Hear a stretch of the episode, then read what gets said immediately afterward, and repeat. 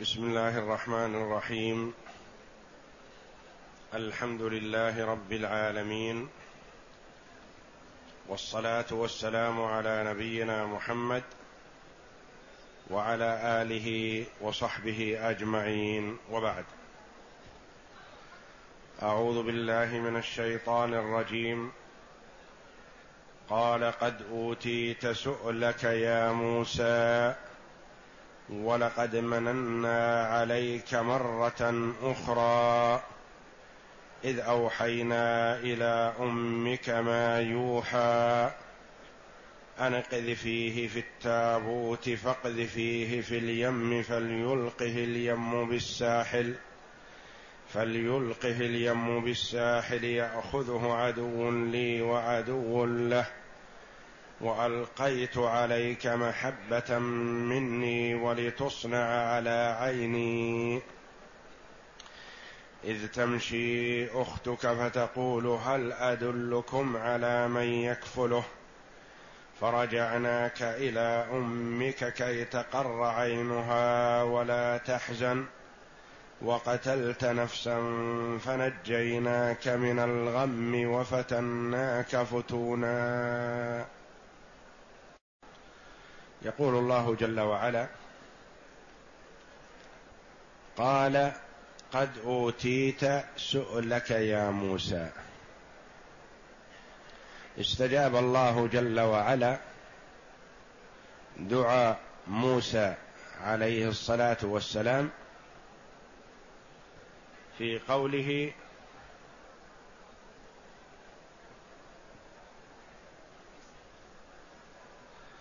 قال رب اشرح لي صدري ويسر لي أمري واحلل عقدة من لساني يفقه قولي واجعل لي وزيرا من أهلي هارون أخي أشدد به أزري وأشركه في أمري كي نسبحك كثيرا ونذكرك كثيرا إنك كنت بنا بصيرا. قال الله جل وعلا قد أوتيت سؤلك يا موسى. أعطاه الله جل وعلا ما سأل في الآيات السابقة فقد استجاب الله جل وعلا دعاء رسوله موسى. ولقد مننا عليك مرة أخرى. ليست هذه الأولى التي نجود بها عليك بل لنا نعمة سابقة مننا بها عليك. ولقد مننا عليك يعني تفضلنا عليك وأعطيناك وحميناك وكلأناك من ساعة خروجك لهذه الدنيا إلى هذه اللحظة. وأنت في نعمتنا. ولقد مننا عليك مرة أخرى يعني قبل هذه الاستجابة. إذ أوحينا إلى أمك ما يوحى.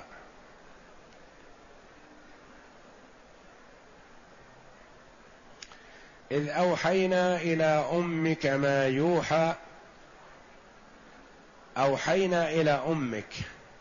أوحى الله جل وعلا إلى أم موسى. ما نوع هذا الوحي؟ قال بعض العلماء إلهام. ألهمها الله جل وعلا. وقيل رؤيا منام. وليست كالوحي على الأنبياء عليهم الصلاة والسلام. بل هي إما إلهام ألهمها الله جل وعلا ذلك أو رأت ذلك رؤيا منام. إذ أوحينا إلى أمك ما يوحى ما يأتي فأجمله ثم فصله لأجل تفخيم. الموضوع وأنه يستحق العناية. ما يوحى كما قال الله جل وعلا القارعة ما القارعة؟ الحاقة ما الحاقة؟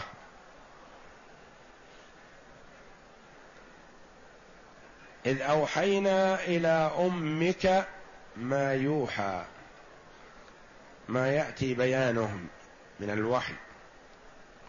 ما الذي أوحى الله جل وعلا به إليها؟ قال أن اقذفيه في التابوت. اقذفيه ألقيه في التابوت. والتابوت صندوق من خشب. فاقذفيه في اليم والمراد البحر والمراد نهر النيل. فاليم يطلق على البحر والنهر الكبير. فاقذفيه في اليم أي في نهر النيل. فليلقه اليم بالساحل البحر. تتقاذفه أمواجه حتى تلقيه على الساحل على حد الماء من الأرض اليابسة.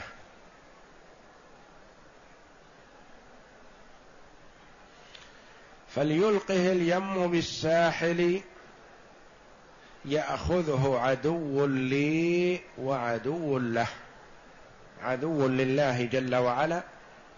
وعدو لموسى عليه السلام وهو فرعون اللعين.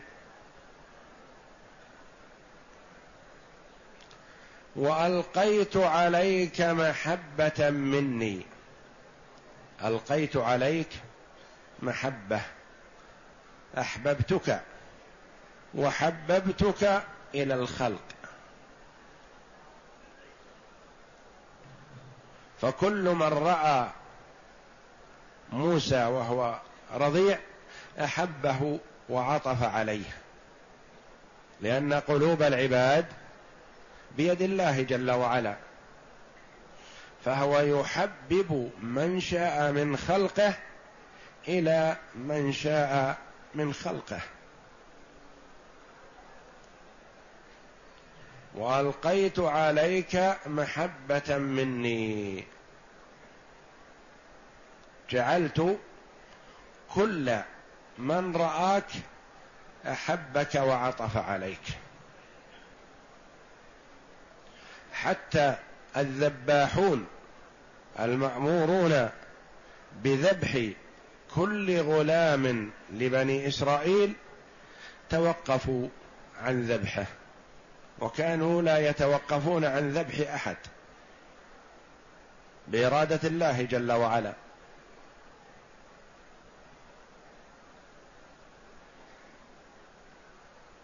والقيت عليك محبة مني ولتصنع على عيني فأنت بمرأ مني.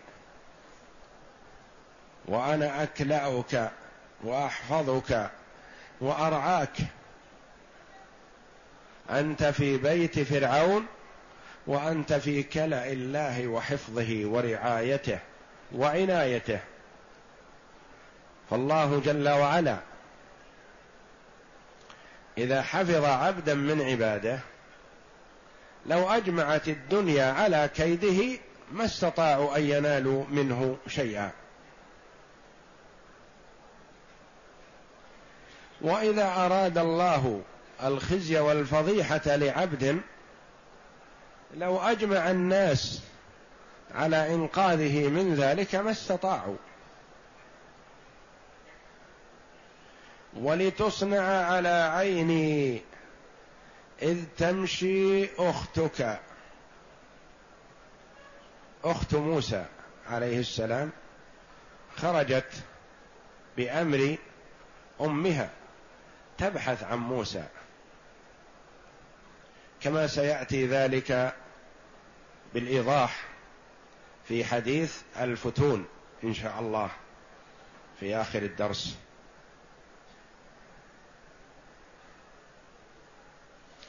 إذ تمشي أختك تبحث عنك. فلما وجدتك وقفت.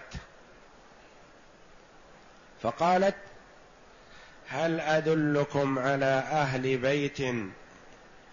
هل أدلكم على من يكفله؟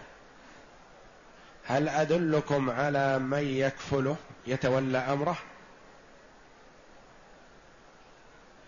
فرحوا بذلك لأن هذا الغلام أحبته امرأة فرعون حبا شديدا.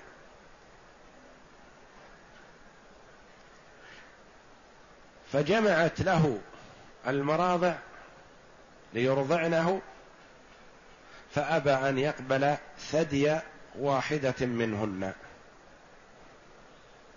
وضاق صدرها. ماذا تعمل؟ لا يأكل ولم يقبل المراضع. فأخرجته لمجامع الناس ليعرض على المراضع لعله يقبل ثدي واحدة منهن. فبصرت به أخته فقالت هل أدلكم على من يكفله؟ يتولاه. فرحوا بذلك. يقول الله جل وعلا فرجعناك إلى أمك كي تقر عينها ولا تحزن. لتسر وتعرف أن وعد الله حق.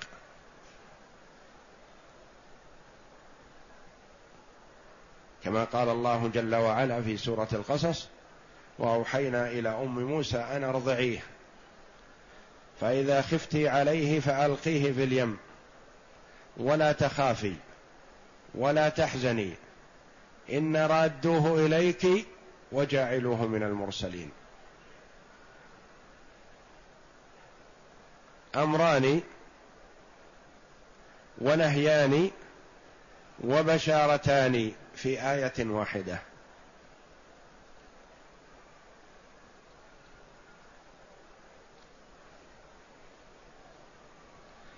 كي تقر عينها ولا تحزن. وقتلت نفسا القبطي. فنجيناك من الغم. نجيناك من الغم الشديد والهم الذي أصابك لما قتلت القبطي.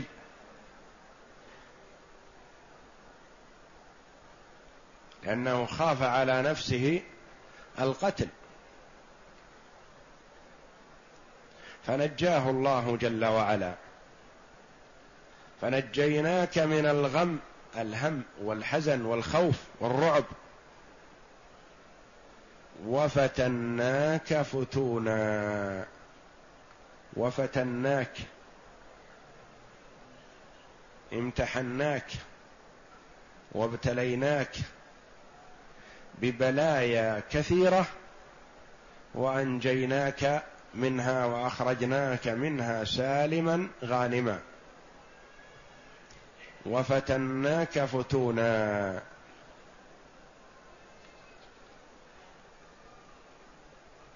حديث الفتون هذا الطويل. رواه سعيد بن جبير. رضي الله عنه أحد سادات التابعين عن ابن عباس حبر هذه الأمة وترجمان القرآن رضي الله عنه. وقد أخرجه النسائي رحمه الله في كتاب التفسير من سننه بطوله. وأورده الإمام ابن كثير رحمه الله في كتاب التفسير كما نقله غيره من المفسرين. أورده الإمام ابن كثير رحمه الله في ثمان صفحات من تفسير هذا الذي بين أيدينا.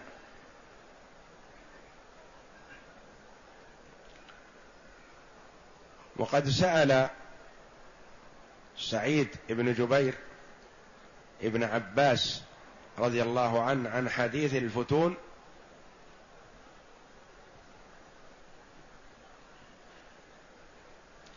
فقال استأنف النهار يا ابن جبير فإن لها حديثا طويلا. كأنه سأله في آخر النهار. فقال له ابن عباس رضي الله عنه هذا السؤال لا يصلح أن يلقى في آخر النهار. هذا من أول النهار لأنه يحتاج إلى وقت طويل. استأنف النهار يا ابن جبير. يقول فلما أصبحت غدوت لابن عباس مسرعا رجاء أن ينجز لي ما وعدني. وذاكر له هذا الحديث بطوله. ولا يسعنا أن نأتي به جملة يعني بنصه ولكن ممكن أن نذكر بعض فقرات منه. يقول ابن عباس رضي الله عنه في هذا الحديث حديث الفتون إن فرعون جمع مستشاريه وأعوانه واستشارهم في موضوع بني إسرائيل. فقالوا لفرعون إن إنهم موعودون على لسان إبراهيم عليه السلام بأنه يكون لهم ملك وشأن في الأرض. وهم لا شك واثقون بهذا الوعد ومصدقون له. فكيف نقضي عليهم؟ لا يتحقق لهم هذا الوعد؟ فقالوا نذبح كل مولود ذكر لبني إسرائيل. ونبقي النساء لتكون خدما لنا. والرجال الذكور نقضي عليهم. ففعلوا ذلك وقتا ثم اجتمعوا وقالوا إنكم أفنيتم الشباب الولدان بقتلهم والكبار يفنيهم الهرب ثم تبقون محتاجين للأعمال التي يتولونها عنكم الآن فتتولونها أنتم بأنفسكم. فاستدركوا الأمر. إذا فني بنو إسرائيل باشرنا جميع الأعمال والمهن التي يباشرونها ولا نستطيع ذلك. فاستقر رأيهم على أن يقتلوا الذكور سنة ويبقوهم سنة.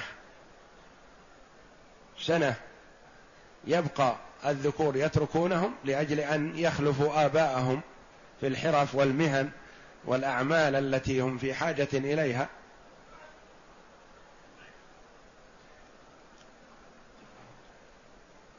فولد هارون عليه السلام في السنة التي يبقى فيها الولدان.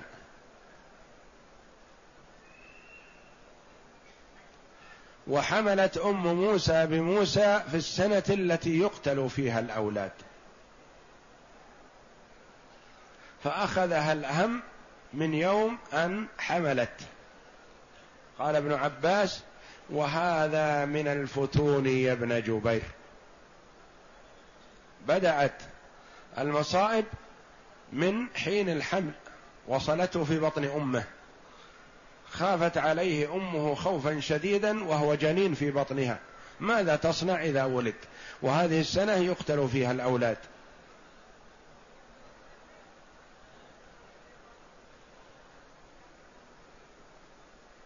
فأوحى الله جل وعلا إلى أمه إذا وضعتيه فاقذفيه في التابوت فليلقه اليم بالساحل. فلما ولدته أحضرت الصندوق ووضعته فيه ووضعت تحته القطن وأدخلته داخل الصندوق وأغلقته الصندوق عليه وقيرته بالقار حتى لا يدخل الماء على الجنين الولد. فألقته في البحر في النهر. نهر النيل.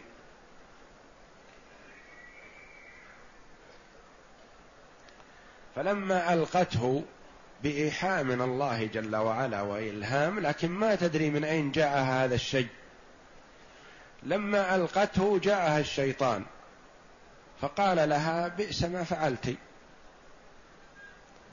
قالت في نفسها يا ليتني أبقيت ابني بين يدي يذبح وأنا أراه فأكفنه وأتولى تجهيزه وأعرف أنه مضى إلى ربه ولم أقذفه بالبحر تأكله سباع البحر. يعني كأنها تقول لو قتل بين يدي احتسبته وصبرت والآن قلبها خايف عليه. فتقاذفته الأمواج حتى أدخلته في الشعبة التي تذهب إلى بيت فرعون من النهر. فأخذ وأحضر لامرأة فرعون ففتحت الصندوق وفرحت به فرحا شديدا وألقى الله المحبة محبتها عليه فحبته حبا شديدا. فطار الخبر عند الناس بأنه ألقي عند امرأة فرعون طفل جاء الذباحون بسرعة ليذبحوه على عادتهم. فقالت أريد منكم الانتظار لأني سأطلب من فرعون إبقاءه لي فإن سمح فذاك وإن لم يسمح سلمت لكم فذبحتموه. فانتظروا. فطلبت من فرعون وقالت قرة عين لي ولك. ولا يدرى من هذا. لا يدرى هو من بني إسرائيل ولا من غيرهم. وكان جميلا فرآه فرعون فأحبه. لكنه كما قال قال ابن عباس قرة عين لك. أنت وأما أنا فلا حاجة لي به.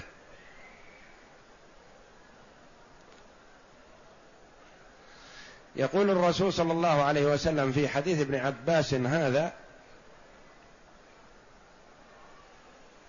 لو قال قرة عين لي ولك لهداه الله على يده ولكنه نفى ذلك قال لا حاجة لي به. فتركه لامرأته.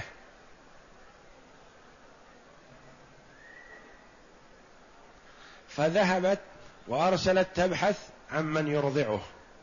فجيء بالمرضعات من بيت فرعون وحاشيته وخدمه فلم يقبل ثدي واحدة منهن فأخرجوه لمن حولهم فلم يقبل ثدي واحدة منهن.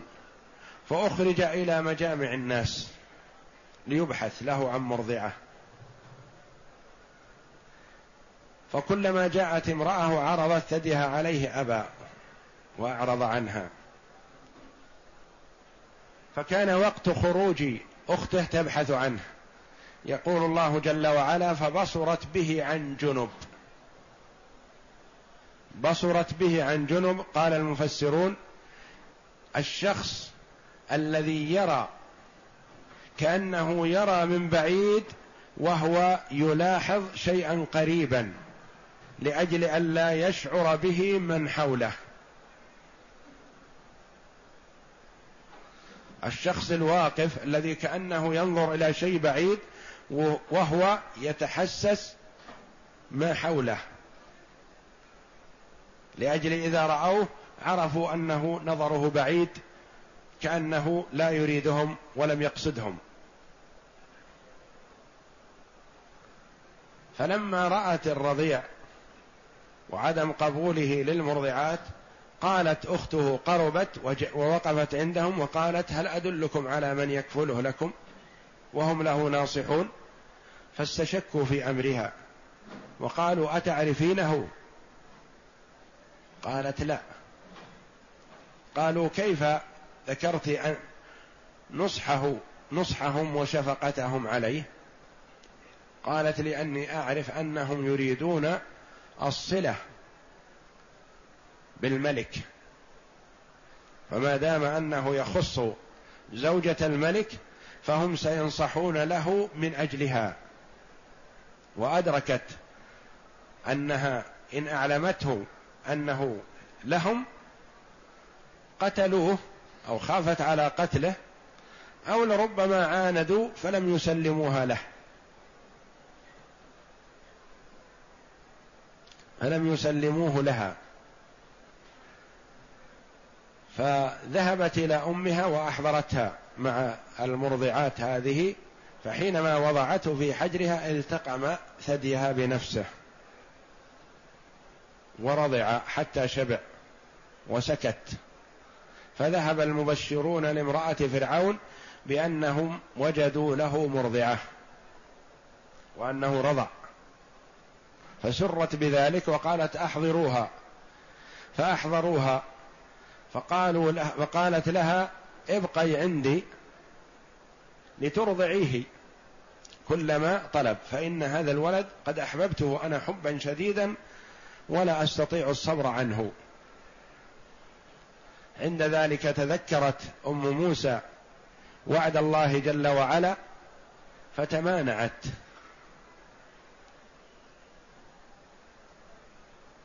فقالت إن شئت أن تسلميني إياه فبها وإلا فلن أترك بيتي وأولادي. فقالت أدعه معك واحتفظي به وأكرميه.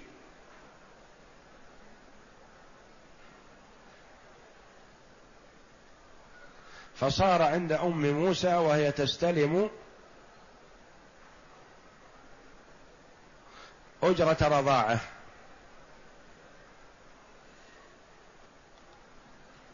فاستمر في حجرها حتى فطمته.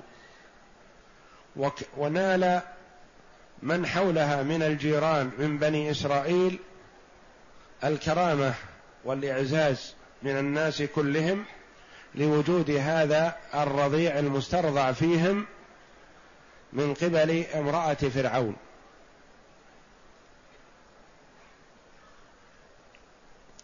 ونالهم بذلك خير كثير عاجل.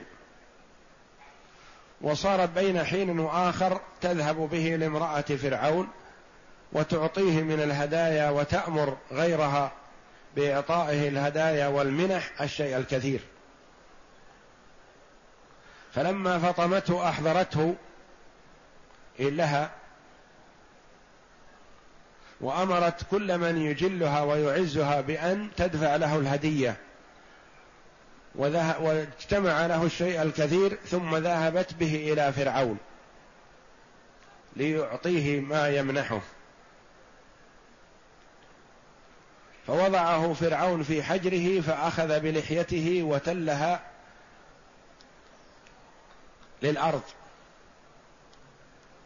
فقال هذا عدوي. والله لا نبقيه فنادى بالذباحين فحضروا مسرعين ليذبحوه. فقالت يا أيها الملك بيني وبينك أمر لا ينكره أحد. نعرض عليه شيئين. التمر والجمر. فإن أخذ التمر وترك الجمر فهو يعقل فشأنك به اذبحه. وإن أخذ الجمر وترك التمر فهو لا يعقل فكيف تذبحه؟ وهو لا يعقل. ما فعل بك ما فعل عن عداوة لأنه على لسانه يريد أن يأكلها. فأحرقت شيئا من لسانه لحكمة يريدها الله جل وعلا. فصار في لسانه لثغة. فتركه. فلما كبر وترعرع صار الكثير من الناس يعظمونه ويحبونه.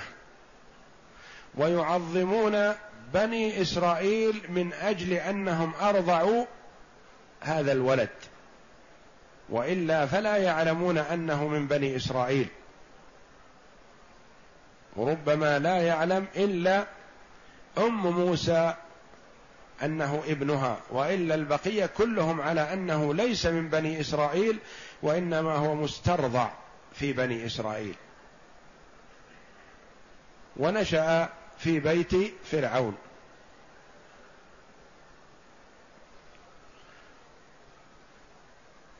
فكان في طريقه فراى قبطي وإسرائيلي. يتنازعان ويتضاربان. فاستفزع به الإسرائيلي لأنه مسترضع فيهم. على القبطي. فكما ذكر الله جل وعلا فوكز موسى القبطي فمات.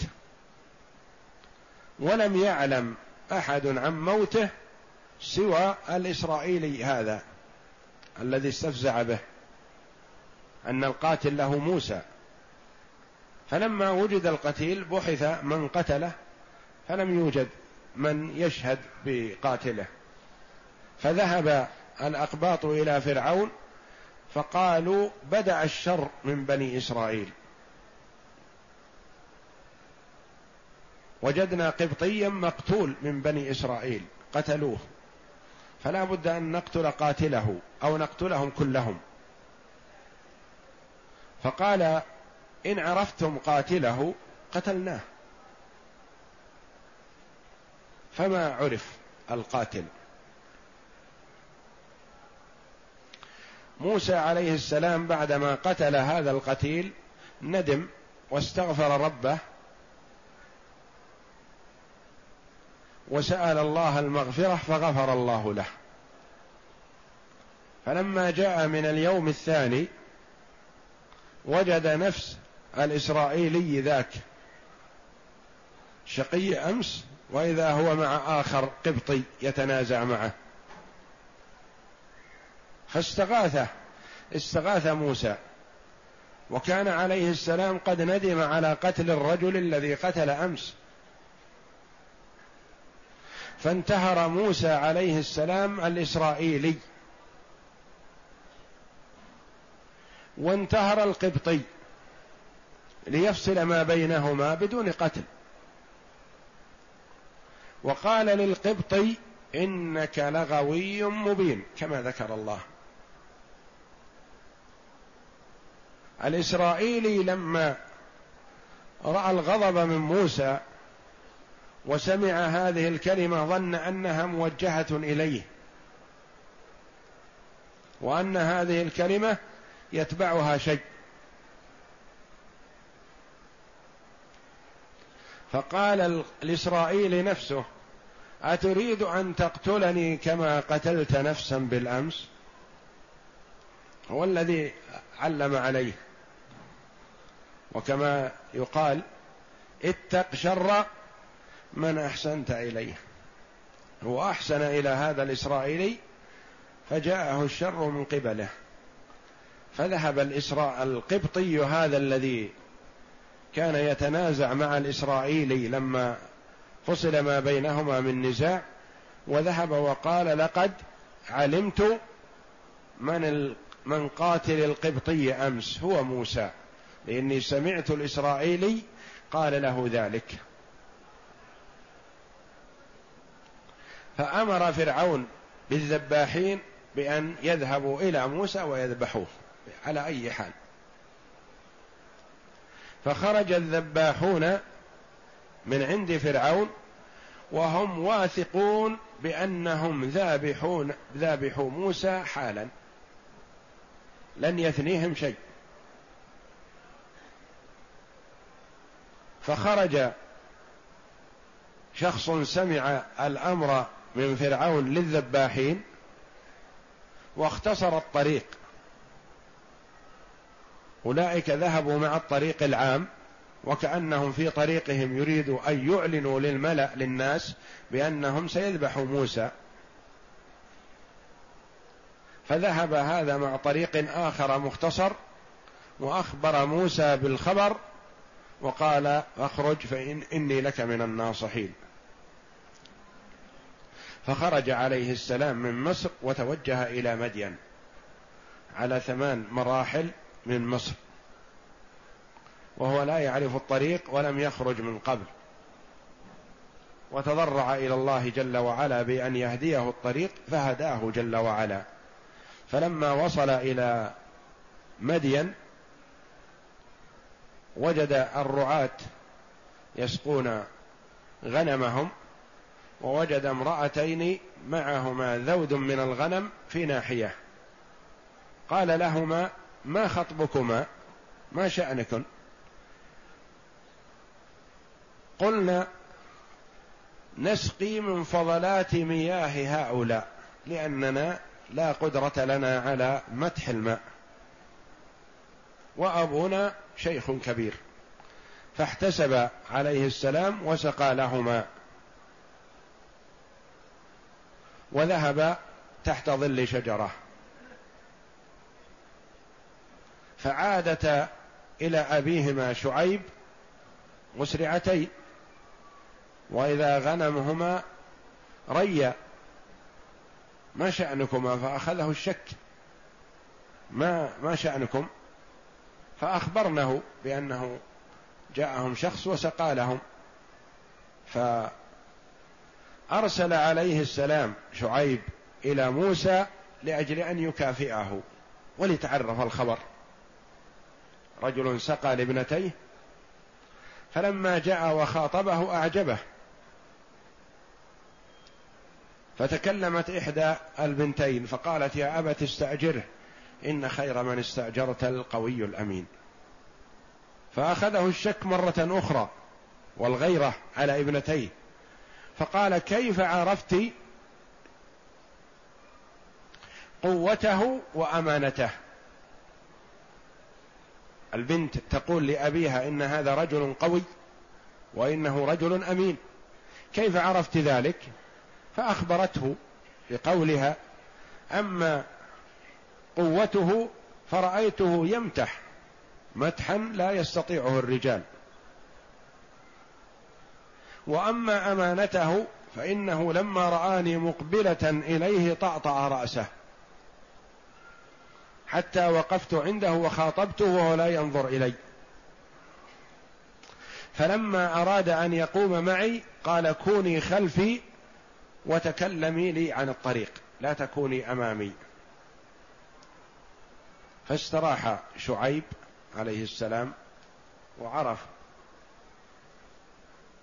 أنه لم يحصل إلا خير. فاستأجره عند ذلك على أن يزوجه إحدى الابنتين على أن يعمل عنده ثمان أو عشر سنوات.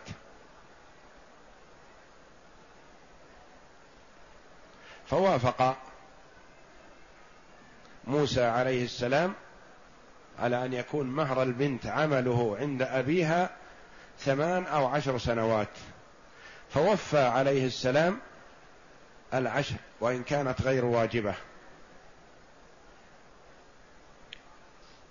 وجلس عند شعيب بعد ذلك ما شاء الله حتى ولد له ثم خرج متوجها إلى أمه وأخيه هارون في مصر بعد غيبة طويلة. يقال عشر سنوات ويقال ثمانية عشر سنة مع العشر ثمان وثلاثين سنة وعمره حينما توجه إليهم عمره اثنتا عشرة سنة. فالله أعلم بذلك. فخرج من عند شعيب متوجها إلى مصر فحصل تكليم الله جل وعلا له ذلك في الطريق على قدر مقدر على تمام أربعين سنة من ولادته. وهكذا الأنبياء يوحى إليهم لتمام الأربعين سنة. كما قال الله جل وعلا حتى إذا بلغ أشده واستوى آتيناه حكما وعلما. وسيأتي بقية القصة بعدما أوحي إليه وذهب إلى فرعون لدعوته إلى الله جل وعلا. والله أعلم. وصلى الله وسلم وبارك على عبده ورسوله نبينا محمد وعلى آله وصحبه أجمعين.